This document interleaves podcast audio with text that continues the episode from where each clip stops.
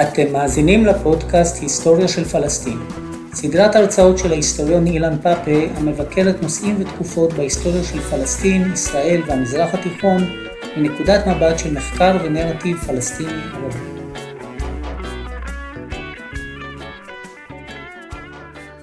ערב טוב.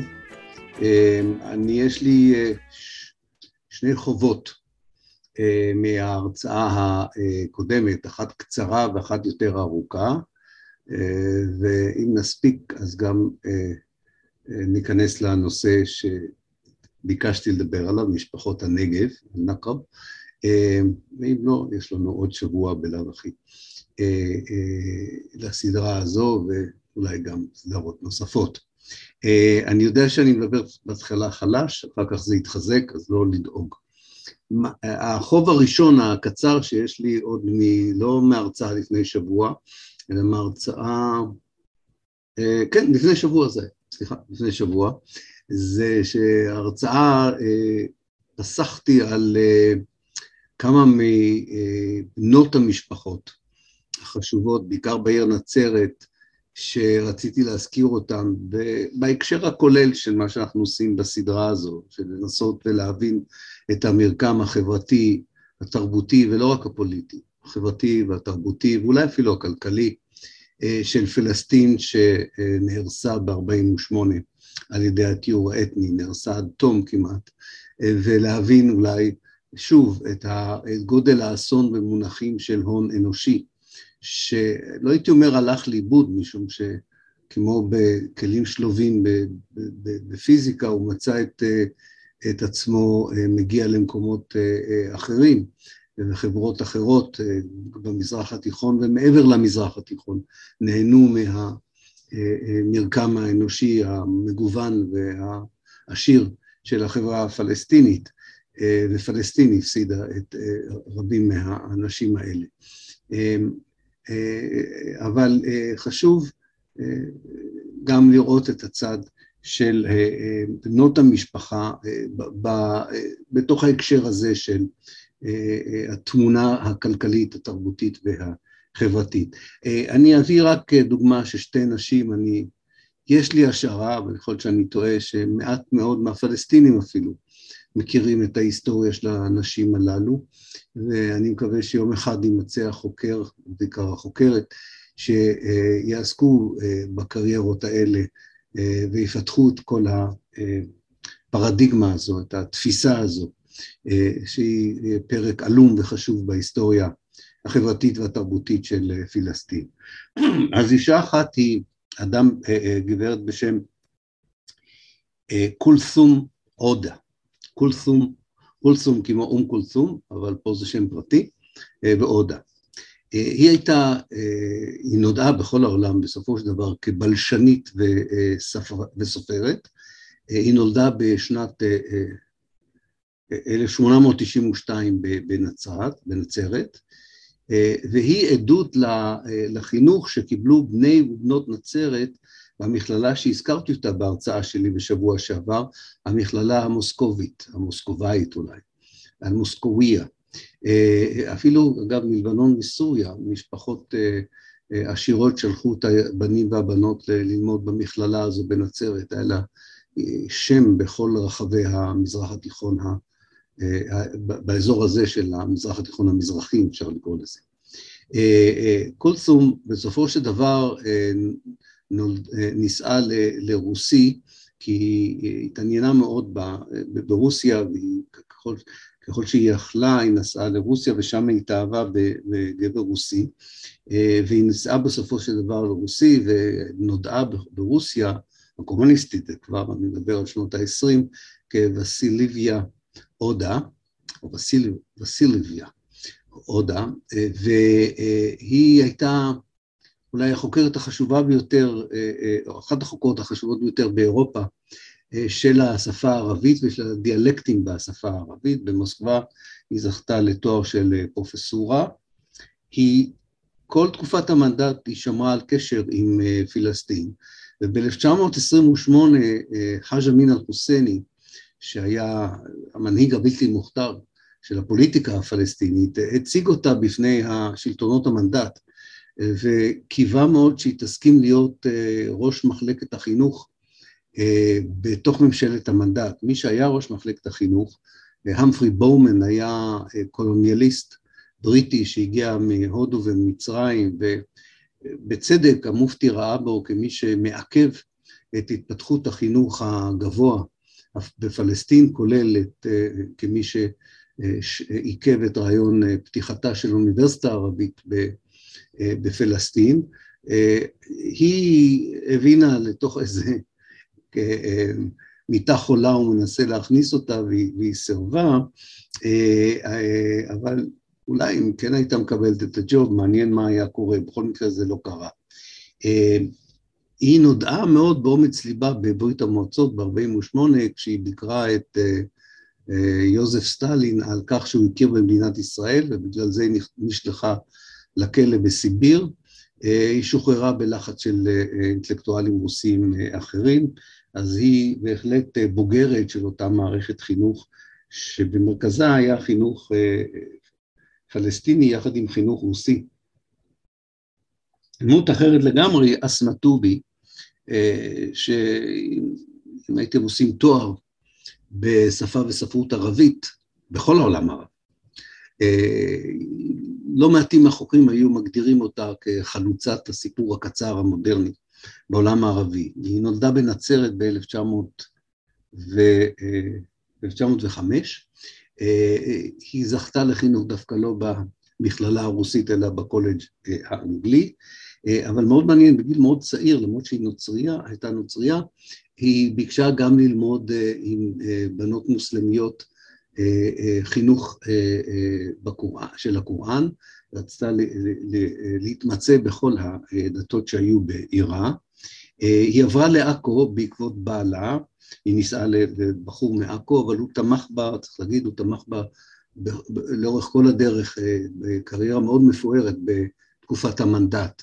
היא הייתה שדרנית הרדיו הידועה ביותר בפלסטין של תקופת המנדט, היה לה תוכנית שנקרא הונה אל-קודס, כאן ירושלים, וגם הייתה מחלוצות הפמיניזם הפלסטיני של שנות המנדט, היא ארגנה את ארגון הנשים הראשון בעכו ובנצרת ואחר כך ברחבי פלסטין.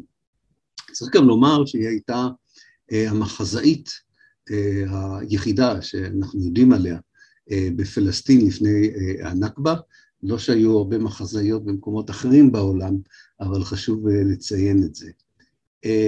מאחר והיא מצאה את עצמה במאי 48' בעכו, היא גרושה עם רוב תושבי עכו על ידי ישראל ללבנון, ובלבנון היא עם עוצמות בלתי רגילות, היא פתחה בקריירה נוספת של עיתונאית, סופרת ואשת רדיו, כתבה מחזות, שירה ותסכיתים. זה רק שני סיפורים מתוך לא מעט על המקום שנצרת תפסה כמרכז חינוכי ותרבותי שהיה לו פוטנציאל כמובן להעשיר את חיי התרבות וגם את כל נושא שוויון הנשים ונושאים אחרים שיכלו להיות על סדר היום של המדינה הפלסטינית אילו, אילו היא הייתה קמה בשנת 48'. החוב השני והארוך קצת יותר הוא על טבריה, אנחנו לא דיברנו על טבריה, הספקנו לדבר על נצרת וצפת, אז בואו נאמר משהו על המשפחות בטבריה, אבל העיר טבריה, טבריה היא בירת הגליל בהרבה מובנים עד סוף המאה ה-18, עד שהעות'מאנים נותנים מעמד גבוה יותר לצפת. באמת עוד עיר עם היסטוריה ערבית מתמשכת ובלתי נפרדת עד 48', אולי מימי הכיבוש המוסלמי או בואם של המוסלמים לארץ. כרגיל, לכל התקופות האלה שבין, נגיד, התקופה הרומית ועד לתחילת המאה ה-18, עד 1700, אין לנו הרבה מקורות, אז אנחנו קצת יותר דלים ביכולת שלנו לשחזר את ההיסטוריה הזו, אבל אנחנו יודעים הרבה על טבריה של המאה ה-18, במיוחד על המחצית השנייה של המאה ה-18, בזכותו של דייר אל-עומר, שכבר הזכרנו אותו, אותו נכבד מהגליל, שבסופו של דבר הופך לתקופה מסוימת להיות השליט של הגליל, והצרפתים קוראים לו מלך פילסטין אפילו, והוא זה שבונה את טבריה כעיר בזלת לתפארת.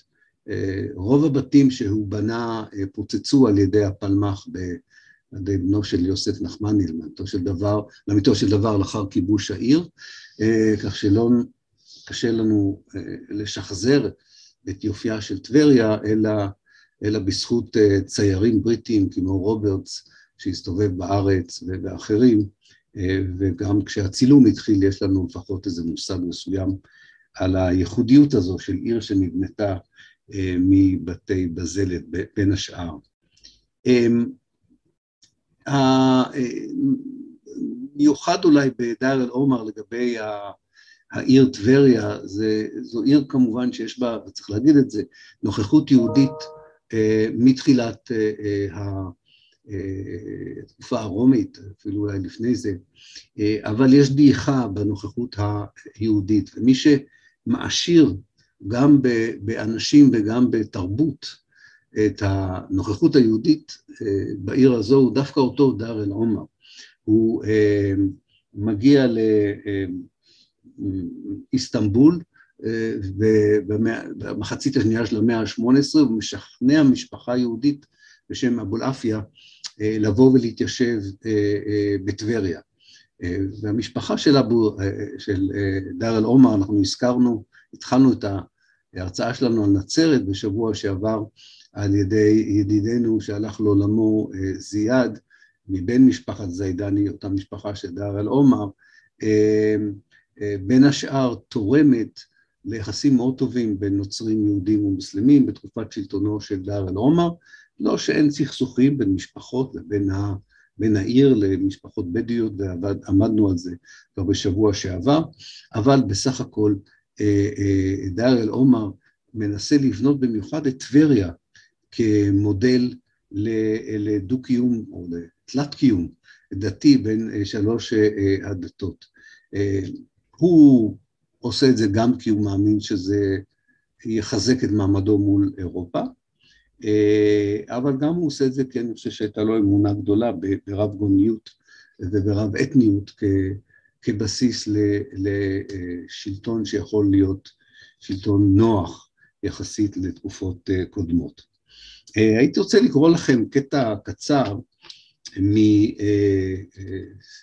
ממשפחת אבולעפיה, מהארכיון שלהם, על הרגע שבו הם מגיעים לטבריה בהזמנתו של אותו דאר אל עומר, וכך כתוב שם: בבוא הרב, זיכרונו לברכה, לטבריה, עשה לו השייח, הרב זה הרב אבולעפיה, עשה לו השייח כבוד גדול והלבישו לבוש יקר, יקר הערך כלבוש המלכות, וכל ששאל ממנו הרב לא חסר דבר.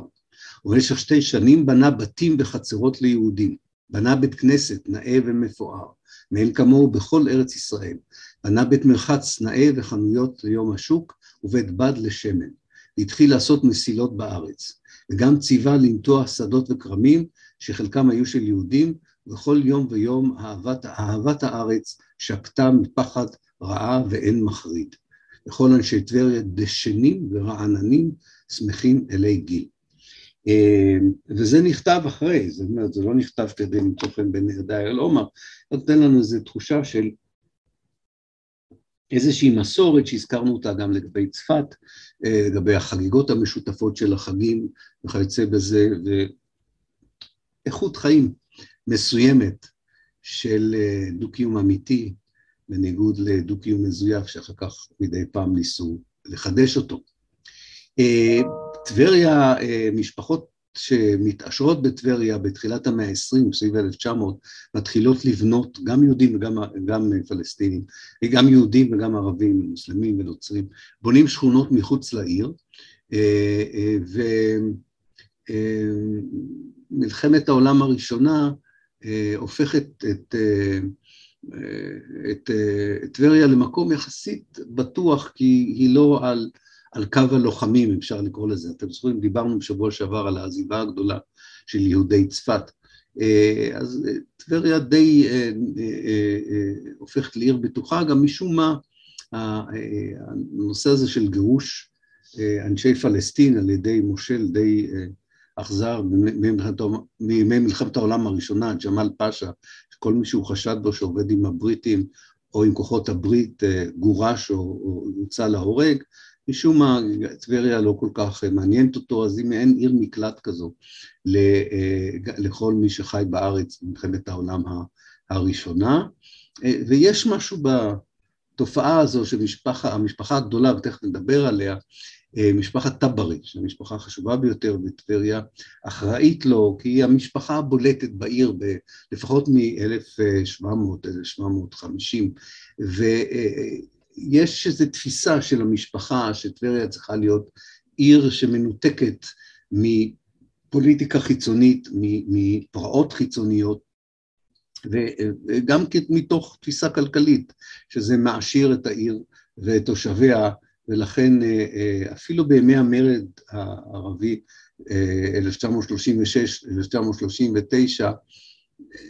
טבריה יחסית הייתה מחוץ לעניינים. אנחנו לא יודעים בדיוק הכל על משפחת טברי, ההיסטוריוגרפיה הישראלית טוענת שזו משפחה שמקורה באז'לון בירדן, אנשי המשפחה יש להם היסטוריה אחרת, הם בטוחים שהם הגיעו במקור מחצי האי ערב, מהעיר מדינה, אחת משתי הערים הקדושות לאסלאם, שמשם הם עברו לחורן בסוריה של היום ומשם לפלסטין. מה שמוסכם על כל ההיסטוריונים שבתחילת המאה ה-18, זאת אומרת סביב 1700, זו הופכת להיות המשפחה החשובה ביותר, אחת המשפחות הבודדות שיש לנו ביוגרפיה משפחתית שלה כבר במאה ה-19, שכותב אותה ההיסטוריון הפלסטיני מיכאיל סבר, והוא מספר כיצד המשפחה התאימה את עצמה לשינויים חוקיים, מנהלתיים בתקופה עות'מאנית, למשל, כאשר אפשר היה להתחיל לקנות קרקעות, היא הייתה אחת המשפחות הראשונות שידעה לנצל את זה כדי להתעשר ולחזק את מעמדה. היחסים הטובים עם היהודים ועם הנוצרים שהיו בטבריה ממשיכים, ותוך, הכל תחת ההנהגה של משפחת טברי. אולי האיש הידוע ביותר בכל תקופת המנדט זה ראש המשפחה, שייח' סעיד טברי, אקרא לכם אולי משהו קצר, מה שהבריטים כתבו עליו, הם כתבו עליו נכבד זקן ועשיר מאוד, מחזיק בשטחי קרקע גדולים, אדם קשוח ושאפתן, והשי כתב עליו שהוא נכבד, השי זה שירות הידיעות של ההגנה, מודיעין של ההגנה, נכבד ומפורסם בכל נפת טבריה וצפון הארץ, בשל עושרו הרב, חוכמתו ומידת הכנסת האורחים הגדולה שהיה תמיד מקיימה כלפי בני אדם. אז הוא בהחלט אדם שהיה לו שם בכל רחבי הארץ, הוא נשא כמנהג אותם ימין ארבע נשים, והזיווגים שהוא סידר לבנותיו ובניו מעידות גם על הפוליטיקה הפנימית בתוך עיר כמו טבריה, אז אחד הבנות או אחד הבנים מתחתנים עם מישהי משפחת מורד בצפת, או משפחה מכובדת אחרת בטבריה, וגם עם המשפחות הבדואיות באזור כדי לחזק את הקשר האורגני, החברתי והתרבותי עם כל החברה הפלסטינית בצפון הארץ. יש לנו, ואני רוצה להודות למוסטפא עבאסי, שפרסם בימים אלה ספר על טבריה, הוא מצא את ההספד של עורך על כרמל, העיתון היומי הפלסטיני בחיפה, על אותו שייח' סעיד ביום שהוא נפטר, הוא נפטר ב-1929 וכשבעת אלפים איש ליוו אותו בלוויה, אז הוא כותב עליו בהספד, היה להם אגב, לעורך על כרמל ולאותו שייח' סעיד היה מיזם תרבותי מאוד, מיזם חקלאי מאוד חשוב באזור טבריה, הם היו שותפים בניסיון להביא חקלאות מודרנית לאזור הזה. אז בהספד הוא כותב, הוא אומר עליו שהוא גדול המנהיגים של טבריה והעמק, עשיר ונדיב ומכניס אורחים, והקדיש חלק גדול מהכנסותיו למטרה זו. הוא שפט את תושבי העיר וסביבתה, לפי השיטה השבטית, סולח השעירי, שהרי הכיר את מנהגי האוכלוסייה המקומית וזו נתנה בו אמון מוחלט. רבים באו להישפט בפניו עניינים אזרחיים ופליליים, ולרוב הוא פייס בין בעלי הדין מבלי לדרוש תשלום. לעתים שילם חובות של מתדיינים מכספו הפרטי כדי לסיים אה, סכסוך. כן, לא תמיד סמכו על מערכת המשפט הבריטית אה, אה, ופתרו את העניינים בתוך החברה.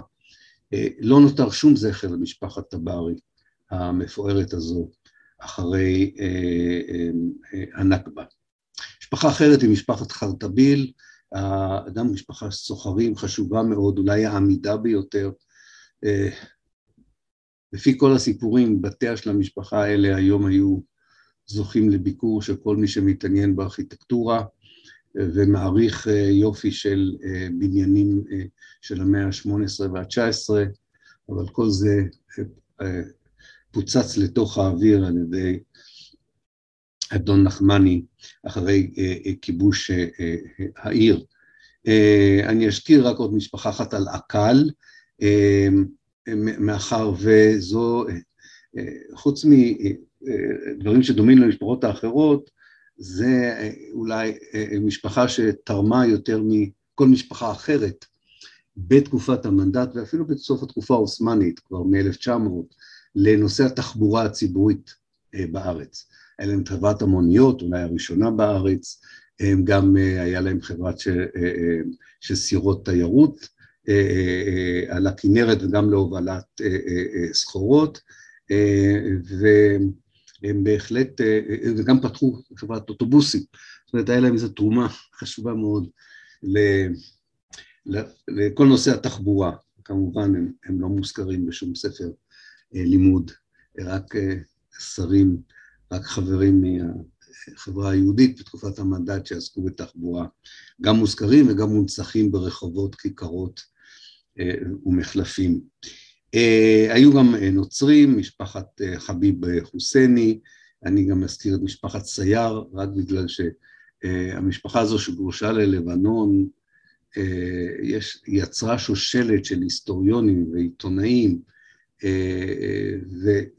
ובני המשפחה הזו הקימו ב-1964 עם אחרים, אבל תרמו תרומה אדירה להקמת מרכז המחקרים של אש"ף ב-1964, מרכז המחקרים שהיה לו ארכיון אדיר שישראל הרסה ב-1982, ומשם נולד גם כתב העת Journal of Palestine Studies, כתב העת לענייני פלסטין באנגלית, ערבית וצרפתית, ולמשפחה הטבריאנית הזו היה בהחלט חלק מאוד חשוב בנושא הזה. אולי הערה אחרונה על טבריה לפני שאני אעבור למשפחות הבדואיות. אנחנו מדברים כאן על שיתוף פעולה יהודי וערבי לא רק בנושא יחסי מסחר וכיוצא בזה, יש גם, זה יוצא גם בספר החדש של מוסטפא עבאסי, מהנדסים יהודים יחד עם פלסטינים מקומיים בונים את השכונות החדשות של טבריה ויש לנו צילום אחד גדול ב-1937 שמראה עד כמה יפה העיר התפתחה בהתאם לתנאים הטופוגרפיים והגיאוגרפיים של האזור הזה. תשוו את זה לדרך שבה בנו את השכונות החדשות בטבריה ב-1950, תבינו מדוע זה קצת צובט בלב לראות את מה שנהרס ומה שנבנה במקומו. הבדואים. קודם כל צריך לבוא ולומר, בכל העולם הערבי, חלק מהאוכלוסייה לאורך ימי הביניים ואחריה, חי בחיי נוודות, בדרך כלל נוודות למחצה. צריך להגיד שזה חלק קטן של האוכלוסייה. רוב האנשים גרו בערים ובכפרים. וגם האוכלוסייה הנוודית הזו החלה להיות יותר ויותר מיושבת מהמאה ה-18 והלאה, בגלל האיור, בגלל הקשר של הכלכלות המקומיות לכלכלה העולמית. אז הנוודות עצמה ננטשה, אבל לא המסורות ודרכי החיים של, על הטוב והרע שבהם, על הסולידריות ועל העצמאות והאוטונומיה מצד אחד, לצד הפטריארכליות, למשל ריבוי נשים וכיוצא בזה מצד שני. ובמובן הזה אלה שנקראו הבדואים של דרום פלסטין, של הנקב, של הנגב, לא היו שונים משאר האוכלוסייה הבדואית שחיה באזור כולו. מה שחשוב לגביהם זה מה שחוקר, שנדמה לי שהיום מלמד באוניברסיטת באר שבע, אם הוא לא עזב בינתיים, בחור בשם מנסור נססרה, בן הנגב בעצמו, כותב, הוא אומר שהדבר המיוחד שמעצב את מה שאנחנו קוראים לו היום הבדואי בדרום, אתם זוכרים, הסברנו עד כמה הסיפור של הבדואים בצפון שונה מהבדואים בדרום, שהוא כל הנושא של הפוליטיקה של הייצוגיות. זאת אומרת, בכל מקום אחר בעולם הערבי, לא משנה היכן אנחנו מדברים, והיו שבטים בירדן, בעיראק, בסוריה, אפילו בלבנון, במצרים בוודאי, בחצי האי ערב, לא הייתה, לא זיהו אותם כקבוצה נפרדת. זה היה דרך חיים אחרת קצת, אבל לא קבוצה נפרדת, ודאי לא קבוצה פוליטית נפרדת. הציונות מנסה לייצג את הבדואים בשני, בשני אופנים, עד 48, באופן אחד עד 48 ובאופן אחר מ-48. עד 48 הציונות מתייחסת לבדואים כלא קיימים, כנפקדים לחלוטין. לכן בן גוריון כמעט כל יום שני וחמישי ביומן שלו כותב, כואב הלב הנגב ריק, ריק. הנגב ריק. הנגב לא היה ריק. הוא לא היה ריק למרות הטענות של, של, של הציונות ובן גוריון. בתקופה שבן גוריון מגיע, ביום שהוא מגיע לנגב, כן, כבר יש, הבדואים כבר פחות ופחות נוודים, הם כבר הקימו, הם כבר יושבים בכפרים, מאבדים את השדות שלהם, ואפילו כבר גרים בעיירה אחת, ביר סבא, לימים באר שבע. הם חקלאים ולא נוודים, הם עוברים תהליך מודרניזציה כמו כל החברה כולה, גם כן לא שונה ממקומות אחרים בעולם הערבי. הבריטים והציונות, צריך להגיד גם הבריטים, מנסים לתאר אותם כגוף פוליטי שונה, זאת אומרת לא רק שהם לא נמצאים, הבריטים עד 48' במדינת ישראל מ-48' אומרים הם לא קיימים, אבל אם הם קיימים אז הם, הם משהו אחר, כן? הם, הם, הם בדואים, הם לא חלק מהאוכלוסייה הערבית הרגילה או הפלסטינית הרגילה, אני לא צריך לספר לכם, מנסים לכפות עליהם גם שירות צבאי כדי לחזק את הטענה הזו שמדובר בקבוצה נפרדת. אבל לעומת זאת, אם אתם בודקים את העיתונות הפלסטינית בתקופת המנדט, מתחילתה, ואתם זוכרים את הסיפור של העיתונות, נדמה לי שהעיתונות הפלסטינית הייתה עשירה יותר מכל עיתונות אחרת בעולם הערבי עד 48'. אין בדואים, יש פלסטינים שגרים בדרום הארץ. חלקם גרים ב... נוהגים לנדוד, כאשר הם בעלי צאן או בעלי מרעה, וחלקם הם חקלאים כמו חקלאים בכל מקום אחר. בפלסטין ההיסטורית. ובאותו רגע שיש תודעה לאומית פלסטינית, יש גם תודעה כזו בקרב הפלסטינים של הדרום. עכשיו, הרצון להפריד את הבדואים משאר האוכלוסייה, גם לפני 48' וגם אחרי 48', זה כמובן הרצון להשתלט על האדמות שלהם.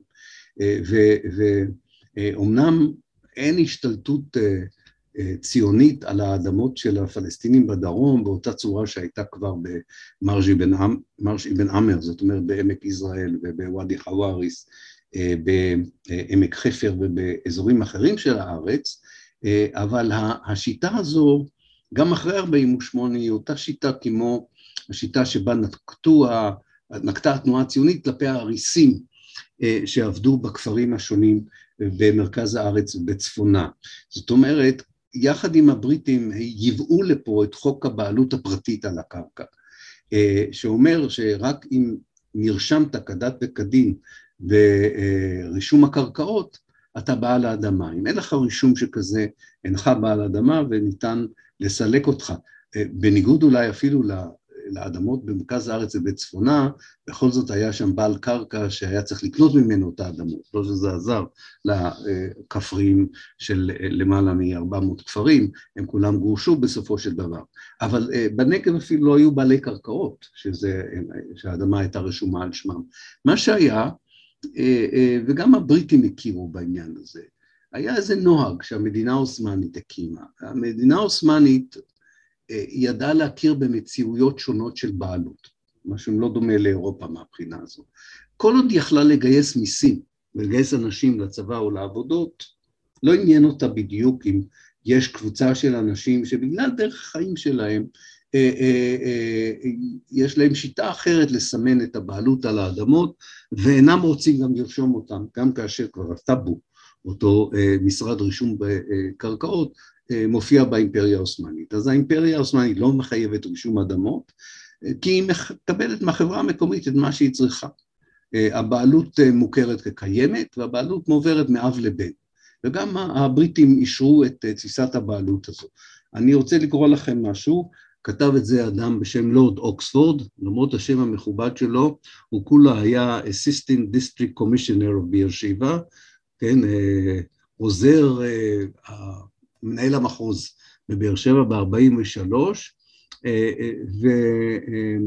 והוא מספר ככה, הוא אומר, The British did not have any system in באר שבע to register Bedouin land. הבריטים לא היה להם שום שיטה בבאר שבע, בבאר סבא, באר שבע, לרשום את אדמת הבדואים. And thus accepted traditional patterns of ownership. ולכן קיבלו את תפיסות ה... בעלות המסורתיות. Bedouin land was the collective property of the tribe. אדמה בדואית הייתה שייכת לשבט כולו. All the tribes knew the land naturally without registering it, with the government as the Ottoman codes of land asked. כל השבטים ידעו באופן טבעי, מבלי לרשום את האדמות, למי האדמות היו שייכות, על פי הקוד העות'מאני. ואז הוא אומר עוד, We did not oppose Bedouin land ownership, nor did we force them to register the land. אנחנו לא התנגדנו לשיטת הבעלות הבדואית ולא כפינו עליהם לרשום את האדמות. זה ב-1943. They were happy about the way they recognized the land, so we thought it better not to impose on them something they did not like and would resist. הם היו מאוד מרוצים מהדרך שבה הם ידעו למי שייך את האדמה ולמי לא, ולכן החלטנו לא לכפות עליהם משהו שהיה גורם להתנגדות מטעמם. For example, the city of Beersaba's land, באר שבע, land belonged to a very well known Bedouin tribe. לעומת, למשל, השטח של כל העיר באר שבע היה שייך לשבט בדואי, הוא מתכוון פה לשבט עזזמה. As a result, we did not confront the Bedouin about the way they perceived their properties. וגם בתוך העיר עצמה, בתוך העיר באר שבע, לא היה רישום קרקעות עות'מאני. כפי שהוא מספר, because the Bedouin were not very rich, we preferred for economic reasons not to ask them to pay high taxes. מאחר וידענו שזו לא אוכלוסייה עשירה, גם לא ביקשנו ממנה מיסים גבוהים, but in fact some did pay tax, ולא כולם שילמו, חלק שילמו, חלק לא שילמו. The economic situation of the Bedouin did not encourage the British to impose harsh taxation policies, but they assisted the Bedouin to survive. הוא שמח שהם נקטו בשיטה הזו, משום ש... בגלל שלא פגעו בהם דרך מדיניות מיסים, הם לא היו אוכלוסייה ענייה. בדיוק ההפך ממה שישראל עשתה. בדיוק ההפך ממה שישראל עשתה לבדואים. ממש ההפך. Only the Ottomans enacted land codes. We the British did not have any registration system for land in Beersheba. We did not want to force the Bedouin to do something that they resisted and did not like. עכשיו האמת היא שאם אי פעם אה, חוקי הבעלות על הקרקע יוכרו כמו בניו זילנד, של אוכלוסיות ילידיות. גם בניו זילנד לא היה למאורים שטרי קרקע. יום אחד נראה לי שבחלק מהמקומות בעולם זה הולך לכיוון הזה. יש פה תביעה ייצוגית שבבית דין שלא יהיה לו שיניים. העיר באר שבע שייכת לשבט עזזמה. אני רוצה גם אה, להגיד משהו על, ה, על, ה, אה, על האזור החקלאי של הבדואים, כן? אותם בדואים שבן גורן אמר שהם אינם, כי, הבדואים, כי הנגב ריק. תראו, ב-1883 כבר, מסתובב פה חוקר בשם אדוארד האל, וככה הוא כותב על האזור הזה של, הוא בא לאזור של, של התראבין, שבט אחר בדואי בדרום, והוא כותב, האזור הזה הוא בעל טבע פורה ביותר, ויבול התבואות, הוא אומר, היקף, סליחה, היקף הקרקע המעובדת כאן, כמו כל הדרך לעזה, זה מבאר שבע לעזה, כן? הוא עצום, היקף הקרקע המעובדת כאן הוא עצום. יבול התבואות כגון חיטה, שעורה ותירס עולה בהרבה על צרכי התושבים. למעשה כמויות גדולות של מוצרים חקלאיים הגדלים באזור זה מיוצאים כל שנה מיפו וערים אחרות. לא רק שזה לא היה ריק, זה לא היה מדבר ורק חול וחול, כן? היה שם אזור שלם בצפון, שאגב, כולו נהרס ב-48. אמ, צריך גם לספר משהו על, על, על אזור באר שבע, אה, אה, ש, ש, שהעיר הזו הוקמה ב-1900 על ידי מהנדס אה, טורקי מאוד מאוד מוכשר, שבנה אותה בעצם שלוש פעמים, כי הוא, עד שהוא היה בטוח שהוא הבין נכון את משק הרוחות כדי לקרר את העיר. והוא בנה אותה בצורה שלצערי לא אוכל לקחת אתכם בבאר שבע לסיור, כי ישראל הרסה את העיר ב-48'. ו, אבל זה היה עיר מופת גם מבחינה של ארכיטקטורה עירונית. ואנחנו מדברים פה על אוכלוסייה שעד 48' חיה מחקלאות ומרעה, נקראה בפי הפלסטינים, הפלסטינים של הדרום, לא הבדואים, ואני לא אתן כל השמות של הכפרים שנהרסו ב-48', אבל אני מקווה שאתם מבינים שהייתה שם גם אוכלוסייה כפרית. יש דבר אחד מעניין לגבי העניין של הבעלות על הקרקע. עד 1952 ישראל גובה מיסים מהבדואים על פי החוק העות'מאני. 52 מוקמת ועדה ובראשה עומד יחיעם וייץ, יוסף וייץ, אותו יוסף וייץ שהיה אחראי לטרנספר בין השאר ב-48, והוא בעצם ממליץ לממשלה לגרש את, ה, את הבדואים שנשארו בארץ אחרי 48 לתוך אזור פנימי, כדי שהאדמות הטובות שאותן הם מאבדים יעברו לידי הסוכנות היהודית. היו כמעט 95 אלף, אומרים 100 אלף אולי אפילו, בדואים באזור של הדרום של הארץ, ישראל גירשה 90 אחוז מהם במהלך 48, ה-11 אלף, 12 אלף איש שנשארו בעקבות ההמלצות של ועדת וייץ, הוכנסו לתוך אזור שנקרא אל-סייאז' בערבית, הסייג, אזור הסייג, אתם מבינים את המונח הזה גם בעברית, וזהו אזור סלעי, בלתי ניתן לעיבוד פרט ל-20% ממנו, וגם האזור המעובד בתוכו, ישראל תיקח אותו במשך השנים בתוך המרובע הזה שבין באר שבע, דימונה, ירוחם וערד, ומ-52 האדמות הטובות של הבדואים הוכרזו כשטח צבאי סגור. חמש דקות על השבטים העיקריים בנגב, ובזה אנחנו נסיים ונפתח את ההרצאה לדיון. משפחות זה קואליציות של שבטים, זה מתחיל עם קואליציות של שבטים שהופכים לשבטים קטנים יותר, והשבטים הופכים לבתי אב, כך ששמות משפחה פה זה לא הנושא, אלא באמת הקואליציה השבטית שאליה אתה משתייך, אחר כך זה הופך גם לשמות משפחה. שלושה שבטים עיקריים היו בנגב, רק שבט אחד ממש נשאר אחרי 48. השבט הגדול ביותר היה התראבין, התראבין מקורם בשבטי קורייש, שבטי קורייש עם השבטים ליד העיר מכה, שמתוכם צמח הנביא מוחמד, והם חיו באזור טורבה, לכן השם תראבין, טורבה זה אזור מזרחית לעיר מכה. הם כנראה הגיעו לפלסטין במאה ה-14, התיישבו לא רק בפלסטין, הם נמצאים בהרבה מקומות בעולם הערבי.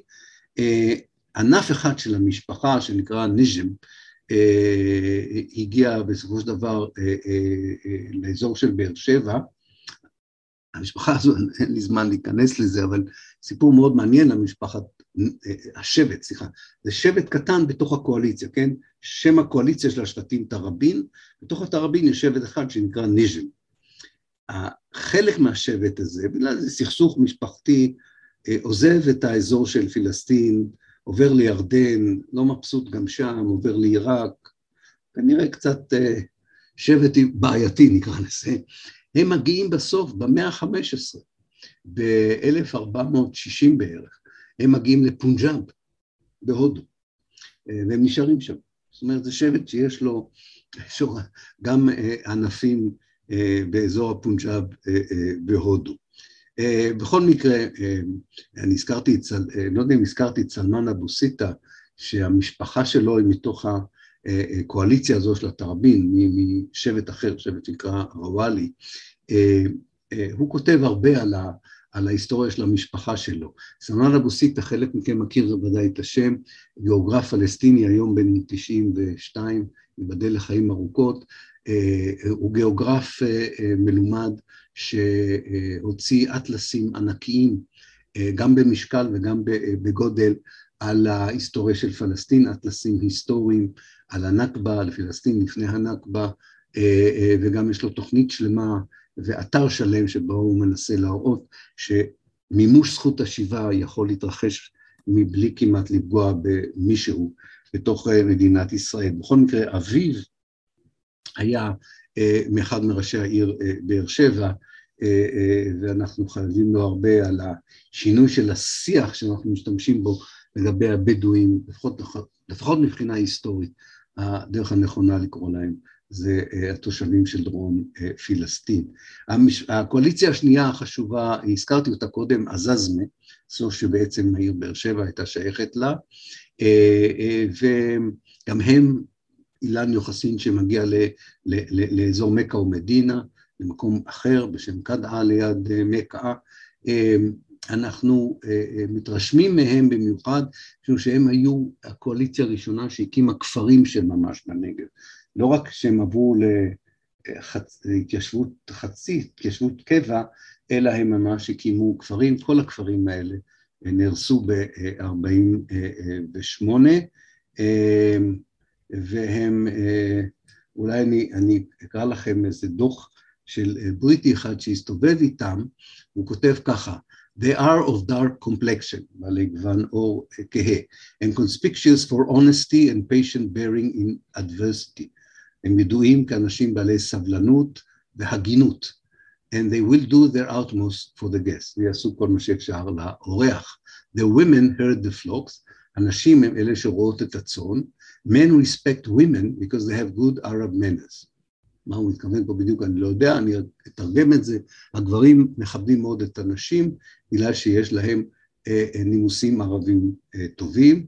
Scarcity of grazing compels them to wandering life more than other tribes. הם נמצאים באזורים פחות טובים משבטים אחרים, אז הם נודדים קצת יותר, והם בכל זאת מצליחים, אני מדלג בגלל הזמן, הם מצליחים לגדל חיטה, שעורה, מילונים ותוצרים אחרים. השבט השלישי והאחרון, ואיתו אני אסיים, זה על, אלתיה, אלתיה, סליחה, אלתיה. מה בדיוק, מאיפה אנשי אלתיה אנחנו באמת לא, לא יודעים בדיוק. אלתיה, אלתיה, זה, האל אלתי זה האנשים האבודים באופן מילולי בערבית. עכשיו, חלק מכם אולי מכיר את האזור הזה בסיני, יש, בצאן סיני, יש את אה, תל אלטי וג'בל אלטי אה, באזור שנקרא נחל, אה, אזור שלפי המסורת, גם היהודית וגם המוסלמית, זה המקום שבו בני ישראל בלי GPS נתקעו במשך 40 שנה ולא הצליחו למצוא את הארץ, ולכן זה נקרא אזור רמת האבודים, הר האבודים ותל האבודים, אז לפי גרסה אחת הם באו משם, לפי הגרסה שלהם הם באו מחצי האי ערב, אתם, חלק מכם, אני יודע, פעילים אל מול אל-עראקיב, הכפר שישראל אוהבת להרוס כל יום שני וחמישי, משפחת עוקבה, אל-עוקבי ועוקבה מאל-עראקיב, הם בני שייכים במקור לקואליציית השבטים אלתיר, גם מי שגר בלקיה, ואולי רק לסיום נאמר ככה,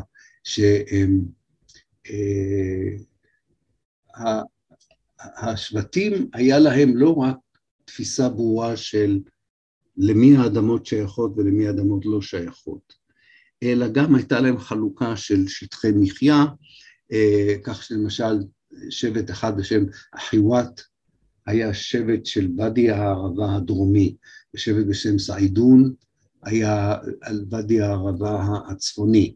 העזזמי היו בכל השטח המרכזי של הנגב, כולל העיר באר שבע. אלתיחה היו יותר באזור שנושק לדרום חברון. התראבין היו באזור שנושק לעזה וגם ג'בארת, משפחות כאלה, אני לא צריך לקרוא את כל השמות, אבל החשיבות הוא שכל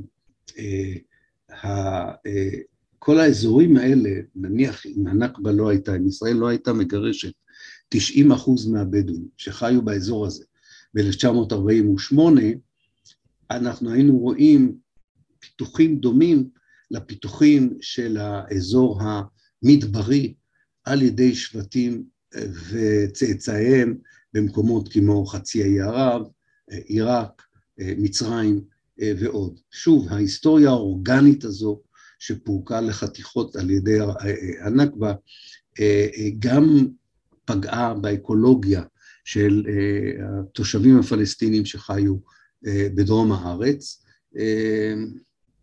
אני אפילו לא יודע אם עד היום הם מוכנים לקבל את המונח הזה, הבדואים, לא כי יש בעיה עם המונח, הבדו זה המדבר, אלא בגלל הקונוטציות שישראל נותנת למונח של הבדואים, אותה קונוטציה שישראל נותנת למונח דרוזים.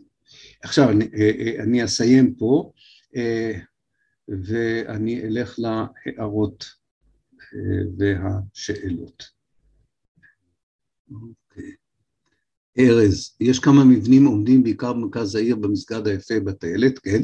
יש את העיר העתיקה, זה נכון, של אה, אה, באר שבע, היא היום אה, מין מדרחוב כזה עם מסעדות קטנות ויפות, זה בהחלט נכון, זה מוקף בשטחים קצת פחות יפים, אבל כמובן זה קמצוץ של מה שהיה, ובאמת זו העיר האחרונה שנבנתה בפלסטין, היא נבנתה עם מחשבה, מחשבה של איך בונים עיר במדבר ומנצלים מים ורוח כדי לקרר אותה.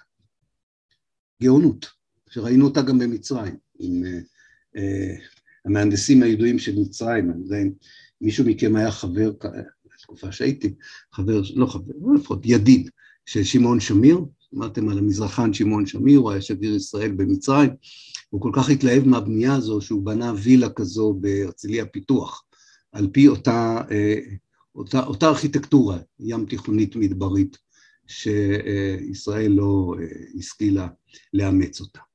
חנה ספרן מספר גם על מי מרי זיאדה, נכון, המשוררת שנולדה ב-1886, בהחלט אה, מתרגמת, והוגת דעות, אקטיביסטית, נכון, והיה לה בקהיר את הסלון הספרותי, תודה שהזכרת אותה. כן, כמו שאמרתי, השתי, אפילו גם עם מרי זיאדה אה, וקולסום עודה ואסמה טובי, זה רק שלוש נשים מתוך אה, מספר לא קטן של נשים שאנחנו נפגוש את רובן בלבנון ובמצרים.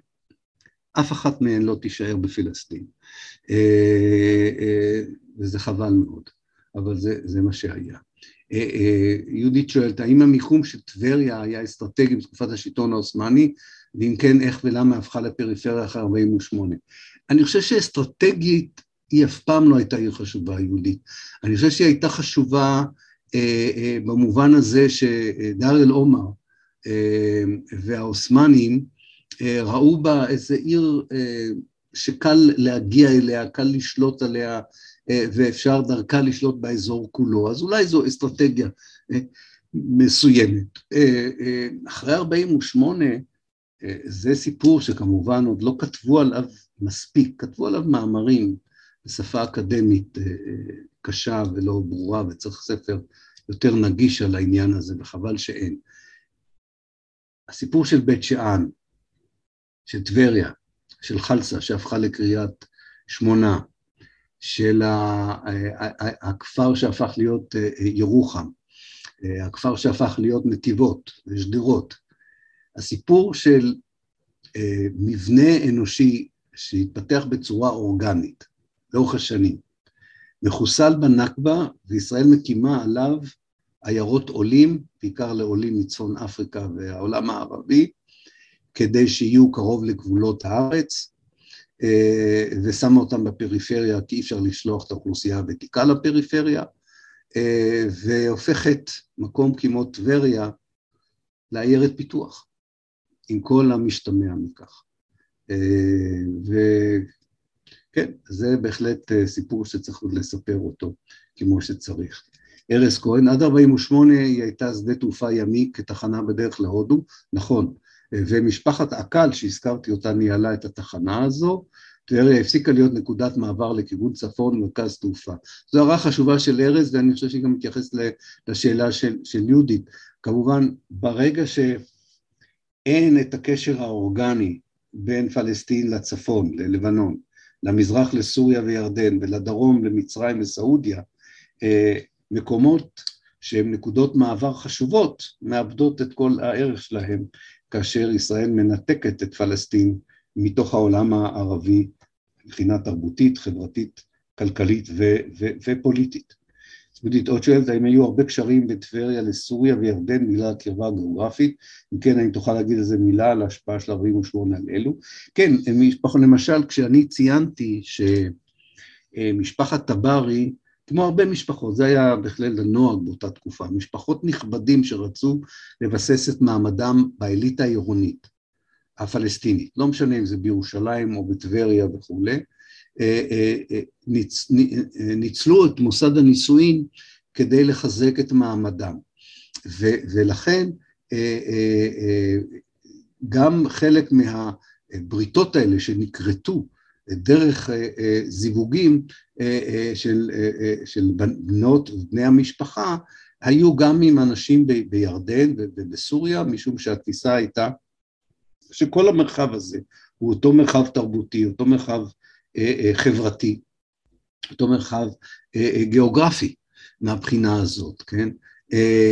אפילו בתקופת המדד, שכמובן בריטניה מנסה להגדיר את, את פלסטיין, את פלסטין, כיחידה נפרדת אה, אה, מסוריה הגדולה, כפי שאולי התנועה הלאומית הערבית רצתה שיקרה בין 1918 ל-1920, אפילו בגלל שהמנדט לא סוגר את הגבולות, בגלל שאפשר לזרום, עדיין מבחינה חברתית ותרבותית, גם אם כבר לא מבחינה פוליטית, זה אזור אה, משותף, ולכן הקשרים האלה המשפחתיים בהחלט ממשיכים, ו... אבל כמו שסיפרתי במקרה של אה, אה, גברת עודה, אה, אנשים גם גרים, אם יש להם, אם הם מספיק עמידים, הם גרים גם, ב, גם בביירות וגם בחיפה, גם בטבריה וגם בדמשק. ומה שקורה בינואר 48, שהמשפחות שיכולות לאפשר את זה לעצמם, בגלל שהקרבות מתחילים, עוברות לבתים שלהם השניים, בביירות, בדמשק, בקהיר, אה, ולא אה, יכולים לחזור אחרי שהערים האלה נכבשות, וכל ההיסטוריוגרפיה הישראלית כותבת שהם ברחו. כן, אני משתמש במילה ברחו לגבי משפחות שלא ברחו, הם עשו את הדבר שתמיד עושים מי שיש לו כסף, כשהמזג אוויר לא טוב, או שיש רעידת אדמה, או שיש פנדמיה, או שיש מלחמה, אז אם יש, אתה יכול לא, לא להיות בעיר, אז למה שתהיה בעיר? כן? אבל זה הופך לבריחה, ואז זה כבר מפתחים את העניין הזה שהאליטה ברחה, ובגלל שהאליטה ברחה כל החברה, כן, התמוטטה, זה אי הבנה מוחלטת של דרך החיים אה, של אותה אוכלוסייה אה, פלסטינית. ארז כותב, הרבה בעיקר, בעיקר בזכות הבריטים שבונים שוקטות וסביב בורות מים, משתמשים בזה לאיסוף מודיעין, בניהול אוכלוסייה, מחליפים להם את העזים ופסים, מה שהופך אותם פחות נוודים. ארז, אני לא בטוח שאני לגמרי, רגע, אני אגמר כמו לגמרי שאתה אומר, הבריטים עושים סדר ברישום הקרקעות העות'מאניות והשתמשו בזה לחלוקה לפי ראות עיניהם, לכן היום חוזרים ביו"ש לקושאן עות'מאני. אני חושב שזה לא לגמרי, לכן קראתי את העדות הזו של אוקספורד. אוקספורד הוא איש מאוד חשוב. הוא שולט בבאר שבע ב-43, והוא מסביר בדיוק שכמו העות'מאנים לא עושים סדר, בניגוד למה שאתה אומר, לא ממש עושים סדר. זה מה שרותי קרק והגיאוגרפים הישראלים טוענים. זה, זה לא נכון, זה פשוט לא נכון. אה, אה, אה, עד, עד לבואה של ישראל נתנו לבדואים דרך רישום משלהם, הבדואים התיישבו עוד הרבה לפני שהבריטים באו, ולכן צריך להיזהר. יש פה מקורות משוחדים שמספרים איזה סיפור שהוא לדעתי לא נכון על האוכלוסייה הבדואית. אני מציע לבדוק את זה שוב ולהתחיל לקרוא גם את העבודות של אורן יפתחאל, שאפילו הלך לבית משפט וערער על עבודות של רות קרק ואנתרופולוגים ישראלים אחרים. לאקדמיה הישראלית היה אינטרס מובהק להגיד שמדובר באוכלוסייה נוודית, שלא רשמה אדמות, שאין לה זיקה לקרקע, כדי שאפשר יהיה לקחת להם את האדמות הטובות ולכלוא אותם בסייאג' ולהקים שם את שכונות העוני ואחר כך להתלונן שיש פשיעה בבאר שבע ב-2021. אה, יהודית, אתה יכול בבקשה להגיד משהו על קבלת שירותים, מים, חשמל, פינוי זבל, כבישים, בנגב לפני ואחרי 48, איזה דילים היו שם, האם הבריטים לא היו מעוניינים באדמת הנגב, כי הם ידעו על עצמם שהם עוזים מתישהו לעומת מדינת ישראל, מתייחסת לנגב כמו לחצר אחורית לאחסון זבל, אולי יום אחד גם כל בתי הקרבות יהיו שם מבחינת חוסר האדמה, וגם את אומרת מתי התחילו יישובי הקבע בנגב, האם זה קשור לשיטה הישראלית. אז קודם כל ככה, התפיסה הקולוניאלית הבריטית, וצריך להבין, הבריטים היו אימפריה קולוניאלית, וכשמגיעים ב-1918 יש להם אה, שתי תפיסות שונות לדרך שבה הם מנהלים את הארץ הזאת. תפיסה אחת היא אל מול ההתנחלות הציונית. הם מחליטים משלב מאוד מוקדם שזו מובלעת שלא תנוהל בדרך הקלאסית שבה הבריטים מנהלים קולוניה. אוטונומיה מוחלטת בענייני חקלאות, תרבות, כלכלה, אפילו צבא ופוליטיקה. מצד שני, כל הידע הקולוניאליסטי משומש כדי לנהל את החיים של, של הרוב הפלסטיני בארץ. ולפי התפיסה הזו, אה, אתה צריך לחסוך כסף כל הזמן, ולכן זה לא שייך כל כך להחלטה לעזוב או לא לעזוב, הם היו מאוד תועלתניים. ואם אה, אתה יכול, הם גם עשו את זה בהודו ובאפריקה, אם אתה יכול לנהל אזור עצום כמו הנגב בעזרת ראשי השבטים, זאת אומרת שאתה צריך פחות בריטים שם. אה, ואם אה, כולם מרוצים, גם ראשי השבטים וגם הבריטים, אז לא צריך להשקיע שם יותר, כן? אז לכן אה, לא משקיעים אולי במה ששאלת על, על חשמל, זבל ו, וכבישים, אבל זה ווין סיטואשן, כי באמת זה נתן יותר אוטונומיה לבדואים, כמו שאוקספורד אומר בדוח שלו, כשרצו מאיתנו משהו, היו מקבלים, לא רצו מאיתנו משהו, לא היו מקבלים, לא כפינו עליהם אה, אה, אה, שום דבר. הייתה יותר סובלנות בקולוניאליזם הבריטי מאשר בקולוניאליזם הציוני, טוב, הקולוניאליזם הציוני לא רצה אותם שם, לבריטי, לא רצה אותם שם, לבריטים לא הייתה בעיה שיהיו בדואים בנגב, אפילו כחלק מהם בטח חשבו שזה מאוד רומנטי ואקזוטי. יישובי הקבע זה הסיפור שישראל מנסה ליצור מאז 52, מאז שהיא גנבה להם את האדמות הטובות, אה, אה, והם מתחילים במה שישראל קוראת לו אה, התיישבות בלתי חוקית, מקימים את עשרות הכפרים הבלתי מוכרים, ואז ישראל מנסה בכל מיני ועדות, לא ניכנס לכולם עכשיו, זה לא שייך לסיפור, לנסות ליישב אותם במרכזי יישוב חדשים, כמו רהט, לקיה וכולי, the rest is history כמו שאומרים, אנחנו יודעים לאן זה יתפתח ואיך זה יתפתח. אה, ארז כתב לעיר טבריה, אה, התכוונת לעיר טבריה, אז אני צריך לחזור אחורה, אז אה, כן, הבנתי, בעיר טבריה, אוקיי, יכול להיות, אז זה אני באמת לא, אני צריך לבדוק את זה, אז סליחה אם אני התכוונתי אומר על הבדואים, בסדר. אוקיי, הבנתי, הבנתי שהם עשו סדר. אוקיי, זה, זה נכון, זה נכון בהחלט. אמ, אמ, הסיפור, החל, המעבר מצאן עיזים בצאן כבשים, זה, זה נכון, זה, כמובן, הבריטים עשו את זה גם במקומות אחרים, בעולם, הכבשה לא הייתה חיית הצאן הטבעית פה בארץ, כמו שאנחנו יודעים, הרי הייתה פה עז ארץ ישראלית, כן, מאז ימי התנ"ך, וזה נכון בעניין הזה, אבל אני חושב שצריך להבין את, ה, את הערים החדשות הללו, המתחדשות הללו, של הצפון ובאר שבע בדרום, פונים קודם כל הפלסטינים עצמם.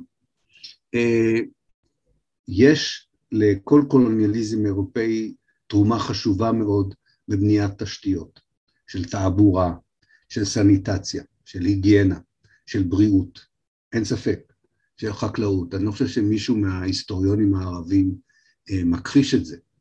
אה, הבעיה הייתה שכל זה אה, בא אה, במחיר מאוד מאוד כבד, של הרס התרבות המקומית, של אה, לקיחת כל אוצרות הטבע והאנוש שהיו במקומות האלה כדי להעשיר את אירופה, ולכן זה לא הייתה מערכת יחסים כל כך נעימה ונאורה מהבחינה הזו, ובכל הערים הפלסטיניות, במיוחד אלה שהזכרנו בהרצאות, כמו בביירות ואלכסנדריה, הייתה תקופה שאלברט חורני המנוח קרא לה moment of grace, תקופת חסד, תקופה שבה אה, אה, ממזגים את מה שיש למערב להציע עם מה שיש לחברה והתרבות המקומית להציע. ואלברט חורני, שהיה היסטוריון חשוב מאוד, טען שברגע שאתה ממזג משהו מתרבות חיצונית לך, עם התרבות המקומית שלך, היצירה שלך היא מקורית. זה לא יצירה מערבית, זו יצירה מקורית שלך. אם לקחת חומרים מהעבר או לקחת חומרים מההווה, לקחת חומרים מכאן או חומרים מבחוץ, היצירה היא שלך. ופלסטין הייתה עשירה ביצירות כאלה, מבחינה חברתית, תרבותית, ארכיטקטונית. אני אה, יודע שאני אה, אה, קצת מעייף עם הנגדנות שלי על העניין הזה, אבל זה מאוד חשוב לי להבין, כי אני חושב שהאסון של הנכבה זה לא רק הגירוש של 48, זה לא רק המעשה הטבח של 48. האסון הגדול ביותר של הנכבה זה הרס חברה אנושית ותרבותית, שלדעתי הייתה משפיעה לטוב על המזרח התיכון כולו, לולא היא נמחקה מעל פני האדמה, ולמזלנו, אני תמיד אוהב לסיים במשהו אופטימי, מתאוששת מחדש, ויש דור חדש, ויש סופרות חדשות, ויש סופרים חדשים, ויש מהנדסים חדשים ומהנדסות חדשות, וזה לא יקרה בדור שלי כבר, אבל אני מאוד מקווה שההון האנושי הזה יום אחד אה, יעגון בחזרה במקום שממנו הוא אה, נזרק אה, שלא באשמתו. אז אני חושב שאני אעצור פה, אלא אם כן פספסתי... לא, זהו. אוקיי. אז אנחנו נעשה חושבים על, יש לי כמה רעיונות על ההמשך, נקבל כמה פידבקים, ונתראה בשבוע הבא, ואני מקווה שכולכם מקבלים את כל האינפורמציה דרך אה, רשת הוואטסאפ, אה, אה, או דרך הפייס, עמוד הפייסבוק שלי בעברית, ואנחנו נתעדכן. שנה טובה לכולם, שנת שחרור, צדק וחופש, מכל עוולות הדיכוי והכיבוש בעולם למיניהם. לא אופטימי בעניין הזה, אבל תמיד יכול להיות פחות גרוע לפחות. אוקיי. תודה רבה, לילה טוב. לילה טוב, תודה.